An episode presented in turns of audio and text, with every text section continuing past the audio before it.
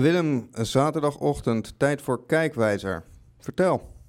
Ja, we zijn weer terug, uh, Dirk. We hebben aan de hand van ons experiment vorige week een hele leuke reactie binnengekregen van mensen die het echt waardeerden dat wij dat nieuwe experiment aan het uitvoeren zijn. Um, dus we gaan vandaag gewoon weer doorpakken. We gaan proberen om jullie te laten zien dat we echt hebben geluisterd naar de commentaren. Er kwamen wat hele leuke boodschappen binnen. En ook mensen die zeiden van nou, er kan nog wat geschaafd worden aan het format. Dat gaan we vandaag zeker doen. Vandaag willen we jullie meenemen in een bijzondere excursie naar de tijd van het post-impressionisme. Vandaag gaan we het hebben over het werk van Emile Bernard, De Boekwijdoogst uit 1888.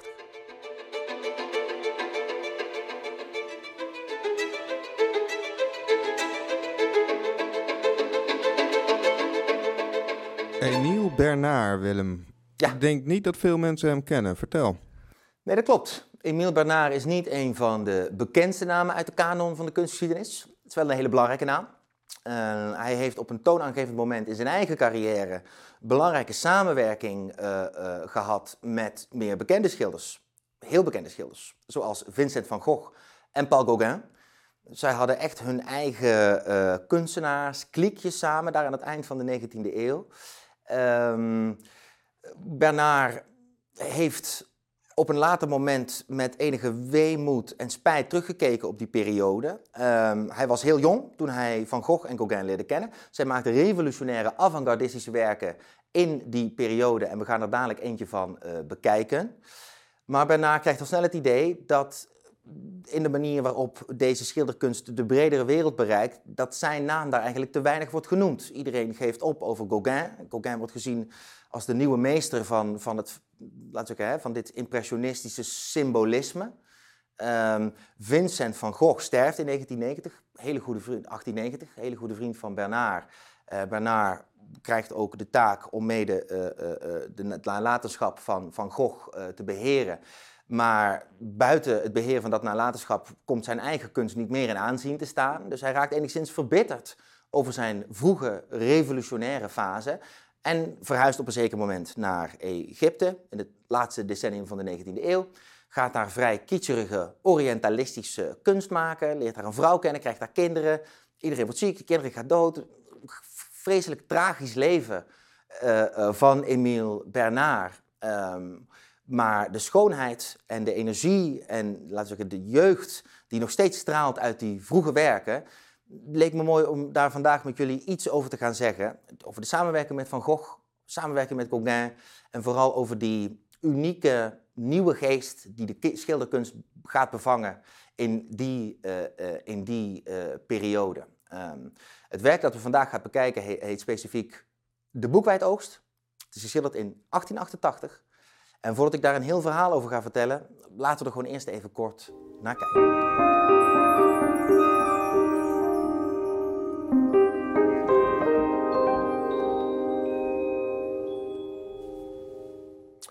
Oké, dus ik zei net iets over de conventies, als je het zo mag noemen, van de avant-garde schilderkunst in die tijd, waarvan uh, Emile Bernard zich ook in dit werk bedient. En misschien is het interessant om daar nog iets meer over te zeggen. Um, want dit werk staat zeker niet in een vacuüm. Het is heel duidelijk dat um, door alleen al te kiezen voor een rurale scène op deze manier, dat Bernard zich plaatst in een bepaalde traditie. Wel een nieuw soort traditie, dus een vorm van avant-gardistische traditie, maar desondanks een traditie. En die traditie informeert denk ik ook sterk hoe we zelf kunnen kijken naar dit werk en het iets beter kunnen leren begrijpen. Zo zien we in Bernards werk invloeden van enerzijds het realisme, we zien natuurlijk duidelijk invloeden van het impressionisme en zijn verdere afsplitsing in de vorm van het postimpressionisme en het neo-impressionisme. Uh, we zien elementen van het, in elk geval in de reactie daarvan, gaat hij in tegen het academisme. Uh, de klassieke, klassicistische schilderkunst die aan de academie werd bedreven. En ten vierde zien we sterk symbolistische elementen in het werk. Um, hoe zien we dat nou? Kijk, het was om te beginnen met de realisten, um, zien we dat na de periode van de echte schilderkunstige romantiek in Frankrijk aan het begin van de 19e eeuw, met figuren als Delacroix en Géricault, um, in reactie op dat soort romantische schilderkunst ontstaat uh, de stroming van het realisme. Um, de poging hier en de, de missie van de realistische schilders is om echte mensen in echte werkomstandigheden, bijvoorbeeld uit de beelden. Het werk van Millet is heel beroemd. Die maakt iconische, heroïsche afbeeldingen van boeren aan het werk. De arenleesters, uh, de zaaier, ehm, de angelus. Ehm, dit zijn allemaal bekende werken waarin hele eenvoudige mensen, boeren, mensen, ehm, gewone burgers, worden afgebeeld met een soort van iconische zeggingskracht, een heroïsche zeggingskracht. iets wat voor die tijd eigenlijk was voorbehouden aan de grote de koningen, aan de grote mythologische figuren. Uh, dus met deze stroming van het realisme wordt een nieuw soort waardigheid gegeven aan hele gewone burgermensen en boeren en mensen van de straten, mensen van het land. Uh, en dat heeft ook een duidelijk sociaal oogmerk, deze beweging. Hè. Het is niet alleen maar van we vinden dat mooi om te schilderen, het gaat er ook om van we willen, hè, er gaat een nieuw soort pathos uit, een nieuw soort empathie met, met de eenvoudige mens. Dat speelt ook duidelijk in die periode na de Franse Revolutie, dat er dus inderdaad dat het mogelijk wordt ook in de kunsten om juist meer alledaagse taferelen um, nou, dus, dus, dus eh, aantrekkelijk te maken, ook voor, voor kunstenaars. Ehm, in navolging van die realistische beweging zie je ook dat bijvoorbeeld in de kunststroming van het impressionisme, dat ook de, precies het aandacht voor wat is er reëel, wat is mijn echte ervaring hier, hoe kijk ik naar de wereld, zonder dat deze wereld al geïnformeerd wordt door allemaal kunstzinnige of ook filosofische conventies. Als ik de wereld gewoon beschrijf of, of, of, of weergeef zoals die direct op mij afkomt, ontstaat er dan een nieuw soort effect. En, en dit is precies het effect dat je ziet in impressionistische schilderkunst, waarin men probeert om juist de impressie van een moment, van een alledaags moment, een wandeling door het park of lopen, hè, een wandeling door het bos of een moment met vrienden, spontane, vluchtige, energieke momenten, uh, krijgen nu in één keer hun eigen uh, schilderkunstige ehm, uitdrukking.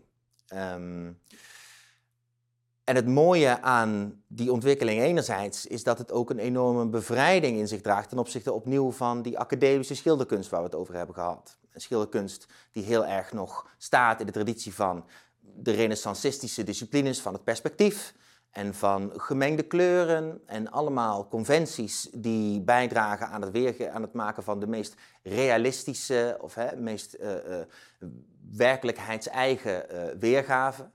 Um, precies de mogelijkheid van die renaissancistische conventies om de werkelijkheid echt weer te geven, de werkelijkheid van normale mensen in de loop van de 19e eeuw, wordt betwist. En, en impressionistische schilderkunst uh, en realistische schilderkunst dragen allemaal bij, ook in hun uh, technische weergave, uh, aan het uitdrukking geven van dit nieuwe elan. Van een nieuw soort mens, een burgermens, een gewoon persoon dat nu toegang krijgt tot de grote, kunst, de grote kunstinstituties van de tijd. Um, wat voor Bernard de beperking is van het impressionisme, is enerzijds de vluchtigheid ervan. Dus het verliest juist iets van de stabiliteit van de grote pre-renaissancistische meesters, zoals Giotto en de grote icoonschilders van voor die tijd, die hebben een ongelooflijk gewicht en een spirituele, iconische, uh, uh, essentiële zeggingskracht. Die impressionistische schilders, de naam zegt het al, het is een impressie, het is heel vluchtig en het flitst ook weer voorbij. Iets van een interne consistentie, essentie en vorm, daar ligt helemaal geen nadruk meer op in de context van het impressionisme. Um, een tweede nadeel, in de ogen althans van de post-impressionistische schilders aan het impressionisme, is dat het impressionisme veel te technisch wordt, uh, veel te wetenschappelijk in sommige gevallen. Uh, Neo-impressionistische schilders, zoals Georges Seurat, ontwikkelen ook daadwerkelijk een eigen kleurtheorie, waarin ze zeggen, onze ervaring van, van, van, van de wereld überhaupt is ook het resultaat van een in onze ogen samenkomen van allemaal kleine individuele kleurimpressies. En dan in het oog smelten al die individuele kleurtjes en deeltjes smelten samen en dat leidt dan tot, hè, laten we zeggen, de, de, wereld van de grote gestalten die wij, uh, waarin wij rondwandelen. Um, en in de schilderkunst, in de, in de schilderijen van Seurat, van schilders als Paul Signac, de pointillisten werden ze ook wel genoemd, post-impressionistische pointillisten, zie je dus ook alleen maar hele kleine, uh, meticuleus aangebrachte stippeltjes die samen een grote afbeelding uh, uh, aan de kijker voorleggen. Maar de hele theorie de hele verfijndheid, het ongelooflijk bijna mierenneukerige van die schilderkunst dat je krijgt, dat is iets waar schilders als Van Gogh en Bernard en Gauguin eh, eigenlijk heel kriegelig van worden. Zij noemen hun eigen kunst dan ook in reactie op dat pointillisten, noemen ze het synthetisme. Uh, we brengen alles bij elkaar. We gaan het niet uit elkaar vlezen. We gaan het niet alles analyseren tot in de, de kleinste puntjes. Wij willen in één klap een sterk emotionele impressie aan jou voorleggen. Een synthese van de werkelijkheid en jouw persoonlijke gevoel bij het ervaren van die werkelijkheid. En ook een synthese van alle impressies in termen van kleur, vorm, teruggebracht naar hun essentie.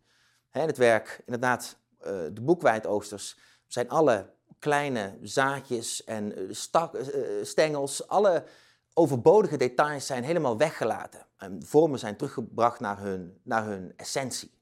Um, precies dit is denk ik uh, wat dit werk zo'n mooie illustratie maakt van dat post-impressionistische kunstideaal uh, van uh, de tweede helft van de, 20 van, van de 19e eeuw. We zien hierin precies hoe al deze elementen, een reductie van kleur, een synthese van emotie en omgeving, um, het weglaten van alle externe details en het bewegen naar de essentie, al deze elementen komen samen in dit werk. Was uh, Bernard eigenlijk een uh, spirituele boer, een gelovige boer? Was hij onderdeel van uh, de boerengemeenschap? Hoe moet ik dat voor me zien? Nou, dat is wel een grappige vraag. Ehm, Bernard was zelf niet, denk ik, onderdeel van de gemeenschap die hij weergeeft in zijn schilderij. Bernard was ergens zelf ook een stadsjongen. Kreeg zijn kunstonderricht in de stad, al vanaf jonge leeftijd. Kwam daar ook in aanraking met de avant-garde kunststromingen van zijn tijd. Uh, we zeiden net, het post-impressionisme, pointillisme, impressionisme, realisme. Hè, allemaal nieuwe ontwikkelingen die zich in de kunst voordeden. Dat kwam natuurlijk allemaal samen in Parijs en hij zoog dat allemaal in zich op. Um, maar hij raakte op zijn eigen manier ergens ook misschien zou je kunnen zeggen, wat gedesillusioneerd door die gekunstelde stadswereld. Met zijn, met zijn, met zijn salons en alles draait om die prestige. En word je daar uh, uh, uiteindelijk opgehangen, ja of nee? Uh, in die academische schilderkunst zijn ook hele strikte regels over wat nou wel of niet geldt als echte kunst of als schoon of noem maar op.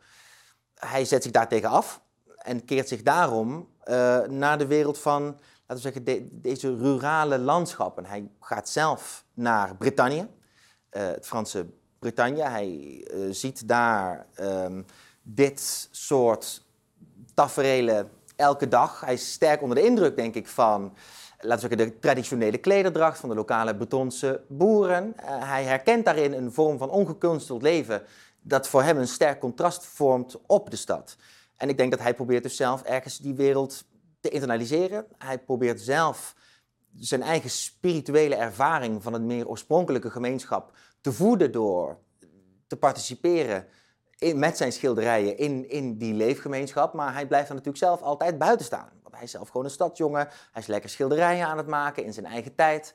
hij is zelf niet iemand die um, op, inderdaad op, op zo'n natuurlijke manier samenvalt met het landschap zoals hij in zijn eigen hoofd denkt dat, dat die boeren dat bijvoorbeeld zouden doen. Dus er ligt ook wel zeker een spanning uh, daarin.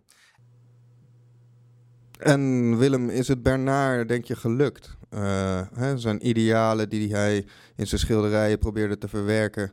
Um, is, is de boodschap aangekomen, denk je? Uh, ja, dat is een interessante vraag. Ik denk bij ons als kunstliefhebbers komt de boodschap wel aan. Bij mij komt de boodschap aan. Het is een schitterend schilderij. Uh, waarin ook daadwerkelijk, denk ik, een grote spirituele zeggingskracht schuil gaat. Uh, of Emile Bernard dat in zijn eigen leven heeft kunnen realiseren, is denk ik nog maar de vraag. Uh, het is duidelijk dat hij na dus zijn vroege avant-garde periode, daar speelde ik net al op, heeft hij eigenlijk een beetje een, een reactionaire twist gemaakt voor zover je reactionair kan invullen als hij heeft zich echt gekeerd tegen al die progressie in de kunst, tegen de avant-garde. Is zelf weer meer klassieke academische kunst gaan maken. Hij voelde zich echt een beetje verraden, denk ik, door zijn vroege uh, kunstpartners, in het bijzonder Gauguin, waarvan hij dacht, die heeft mij eigenlijk helemaal geen credit gegeven voor het feit dat ik zijn carrière zo niet heb gekickstart, dan wel een totale nieuwe creatieve impuls heb gegeven. Um, ik denk dat hij zich heel erg teleurgesteld voelde over de gemeenschappelijkheid die hij uiteindelijk heeft kunnen realiseren middels zijn kunst en middels zijn ideeën daarover. Um, en ik denk dat het ergens ook wel. Ik denk dat je kan zeggen, dit komt ook niet als een totale verrassing als je kijkt naar zijn spirituele visie zelf, zoals het is weergegeven in het kunstwerk. Misschien als we er nog een later keer naar, naar kunnen kijken. Dan hebben we natuurlijk al gezegd dat er bijna een vorm van natuurlijke cycliciteit in dit kunstwerk wordt weergegeven. Het boekwijn wordt geoogst, het wordt bijna verzetloos uit de grond opgetrokken. Um, daar wordt natuurlijk op den duur weer brood van gemaakt. Dus we zien ook echt een soort van, de mens voedt zich met de natuur, bijna alsof ze twee handen zijn op één buik, onderdeel van hetzelfde organische proces. Maar met al de nadruk op, op gemeenschap en, en, en spirituele um, communaliteit, zijn eigenlijk alle figuren op dit schilderij sterk van elkaar geïsoleerd. Ze staan niet echt met elkaar in contact. Uh, ieder is een beetje bezig met zijn eigen arbeid. Ze kijken vaak zelfs een beetje van elkaar weg. Um, je ziet zelfs, hoewel het gros van de mensen wel degelijk hard aan het werk is, staat de vrouw rechts in beeld en een man uh, meer in het, in het, midden bovenin. Uh, die staan in een moment van bezinning, zijn even met zichzelf bezig, opgenomen in een, in een nou ja, dus wat je zou kunnen noemen een meditatief moment. Hè? Dus, dus zelfs arbeid staat hier niet zo centraal. Als je deze afbeelding nou vergelijkt met de werken van Millet, die we net eerder al noemden, 50 jaar eerder, met zijn grote empathie voor het leven van de boer en de werkende man. Je ziet in bijvoorbeeld zijn arenleesters de inspanning en de kracht en de vervorming van de lichamen van die boerenmensen die uh, de aren van het veld aan het rapen zijn. Je ziet, uh, uh, laten we zeggen, hè, de ontbering en je ziet ook de hardheid van de expressies van die mensen. Dat zijn echte werkende mensen. Dit zijn bijna meer, nou ja, goed, het zijn bijna agrarische monniken op een bepaalde manier. Het zijn heel contemplatieve figuren en ze hoeven ogenschijnlijk bijna niet eens zo hard te werken, want ze, ze scheppen bijna hè, de, voedingsstoffen zo op uit de lucht, of uit, uit de grond de voorstelling is bijna utopisch. Er ligt ook een soort van spiritualiteit hier, waarin ieder mens voor zichzelf individueel, in een directe relatie met de natuur, ehm, eigenlijk overspoeld wordt met alles wat hij nodig heeft. He, een soort van hele nederige vorm van, van, ehm, van natuurverzorging en voeding. Ehm, de vraag is natuurlijk of zo'n gemeenschap van agrarische monniken en van individuele nederige werkers die niet met elkaar communiceren of dat een reële voorstelling van zaken is. Kijk, Bernards personen hoeven helemaal niet met elkaar te communiceren. De natuur vertelt ze alles wat ze nodig hebben en de structuur is volledig duidelijk. Maar ik denk dat Bernard in zijn eigen leven al snel ondervond dat als je niet dus door één deur kan met de mensen met wie je probeert samen te werken, als je het niet eens kan worden over je doelstellingen, ja, dan, dan valt al snel de eenheid van, van, die, van die gemeenschap komt dan in het geding.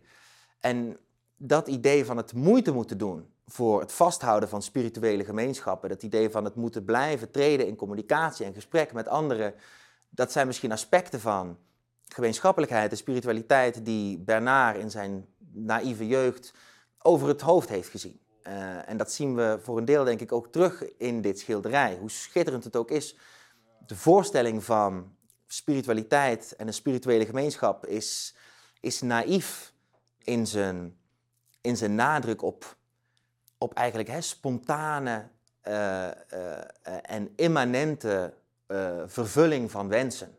Zoals de boeren hier in één keer hun voeding uit het land scheppen. Willem, we zijn weer heel wat wijzer geworden over deze toch enigszins obscure schilder voor velen. mijn dank is groot. Um, volgende week weer? Laten we het doen. Als jullie erbij zijn, ik zou zeggen, Laat vooral weer je comments achter. Dingen die je anders zou willen zien of waar je meer van wil zien. Als je nog een mooi schilderij hebt, we hebben wat schitterende suggesties gekregen, blijf die vooral toesturen. En misschien wordt dan een van jouw lievelingsschilderijen in een van de komende afleveringen ook wel uitgezonden. Laat in ieder geval even een likeje achter. Druk ook even op de notificaties. Je kan abonnee worden op ons kanaal. Daar zijn we altijd heel erg blij mee. En we kunnen alle financiële steun die er voor jou te geven is ook heel goed gebruiken. Dus kijk even in de beschrijving hoe je DNW kan steunen. Uh, en dan zou ik graag zeggen tot volgende week.